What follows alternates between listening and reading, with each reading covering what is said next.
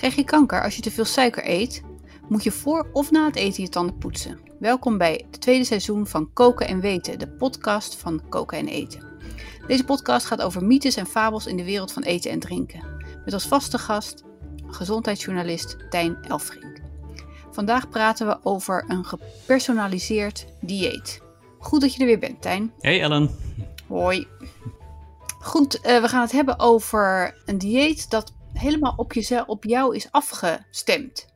Ja, dat klopt. Bestaat dat? Nou, het interessante is dat voeding met iedereen iets anders doet. Dus uh, stel, wij eten allebei uh, een, een, koekje van hetzelfde soort. Dan kan het zijn dat jouw suikerspiegel meer stijgt dan mijn suikerspiegel. Of precies andersom. En het is dus wel interessant om te kijken waar jouw lichaam meer op reageert. Dus dat kan zijn dat je suikerspiegel stijgt van een koekje, maar bij andere mensen stijgt die juist weer van een banaan. Hmm, interessant. En hoe kom je daar dan achter, hoe, hoe het met jouw lichaam gesteld is? Want ja, ik denk dan van, nou, dat kun je gewoon proberen door uh, heel veel koekjes te eten, maar uh, er zijn misschien geavanceerde methoden. Ja, het is voor de meeste consumenten nog best wel lastig om real-time, dus uh, echt je, de, de, de hele dag door, je suikerspiegel te meten. En vroeger was dat dus ook voorbehouden aan laboratoria. Maar tegenwoordig zijn er uh, ja, systemen of middelen waarbij je dat dus wel heel makkelijk kunt doen. En ik heb zelf uh, gedurende een aantal weken met een soort pleister op mijn arm gelopen. En die, zit, ja, die maakt dus contact met je bloed. En met je mobiele telefoon kun je dus op elk moment van de dag je glucosewaarde, dus je bloedsuikerwaarde meten. Dus, dus, zonder te prikken, begrijp ik dat? Zonder te prikken, dus je doet die pleister één keer op en er zit een heel klein soort, uh, ja, ze noemen dat een naaldje. Eigenlijk is het een soort sliertje dat in je huid zit. Je voelt er ook niks van en ook als iemand er aankomt, bijvoorbeeld als, uh, tijdens het sporten, als er een bal tegenaan komt, dan voel je echt helemaal niks van.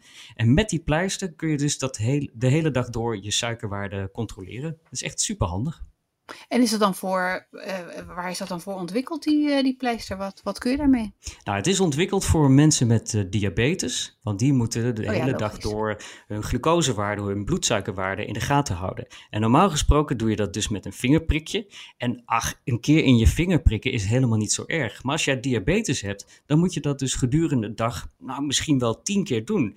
En we hebben tien vingers, dus je kunt elke keer wel een andere vinger nemen. Maar als je dat dag in, dag uit moet doen, op een gegeven moment, ja, dat is best wel pijnlijk. Want juist aan het uiteinde van je vingers, dus echt je vingertoppen, er zitten heel veel zenuwen. Dus als je daar een prikje in doet, is dat veel pijnlijker dan wanneer je bijvoorbeeld een, echt bloedprikken in je arm doet.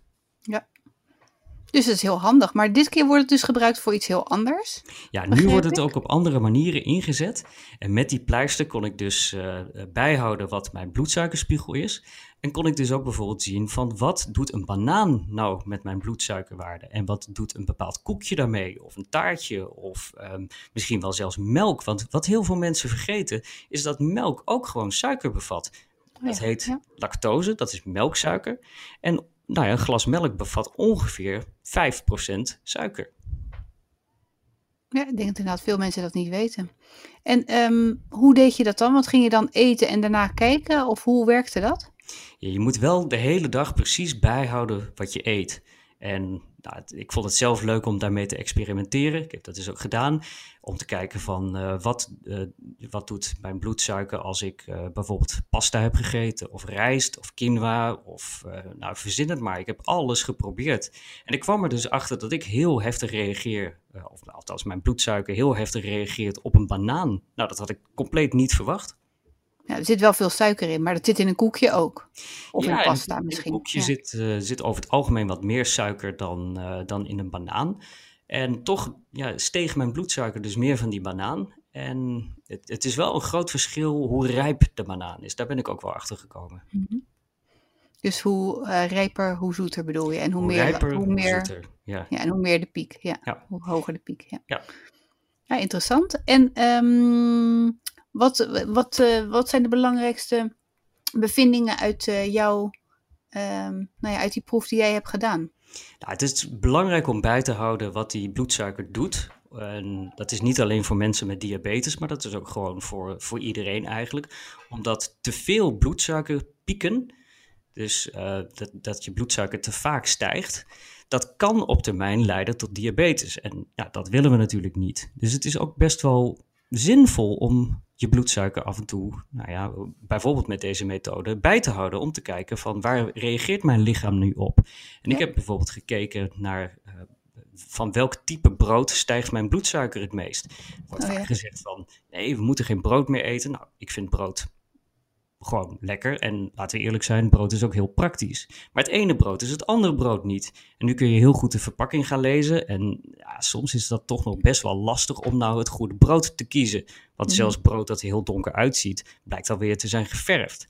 Nou, Met deze pleister heb ik dus echt kunnen zien welk brood leidt bij mij nou tot hogere pieken. En ik heb dus nu een soort brood gevonden waarvan ik heb gezien dat het echt nou, nauwelijks tot een piek leidt. Nou, dat is voor mij dus heel goed brood. Maar nogmaals, dat is voor, mij heel dus. goed. Ja. Dat kan voor jou dus weer heel anders zijn. En, welk, brood is dat? Uh, dit is uh, een soort pompoenpitbrood met ja, wel heel veel uh, volkoren ingrediënten. Ja, en heel veel vezels als ik het zo hoor. Want en heel veel vezels, ja, ja, zeker. Ja.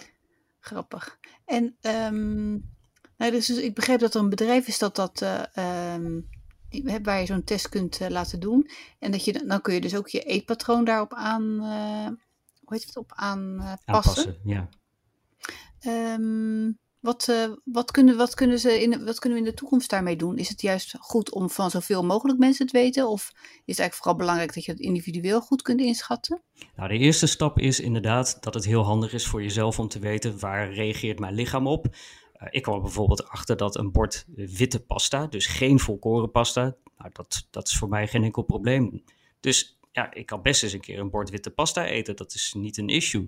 Maar het interessante is wel dat als zij uh, heel veel gegevens gaan verzamelen over allerlei mensen, dan zien ze bijvoorbeeld dat mensen die reageren op een banaan, die reageren, bijvoorbeeld ook vaak op een krentenbol. En zo kunnen ze dus ook gaan voorspellen van, hé, hey, jij reageert op een banaan, waarschijnlijk reageert jouw bloedsuiker ook heel erg op een krentenbol.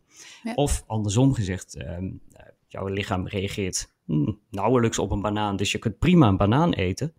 Dat diezelfde persoon dus waarschijnlijk volgens dat algoritme ook prima een krentenbol kan eten. En zo kun je dat een beetje gaan voorspellen. Ja, interessant. Net als uh, ja, bij Amazon of bij uh, Netflix. Hè, van ja. You might like this. Ja, het is, een, uh, het is een belangrijke, leuke stap. Het is heel interessant.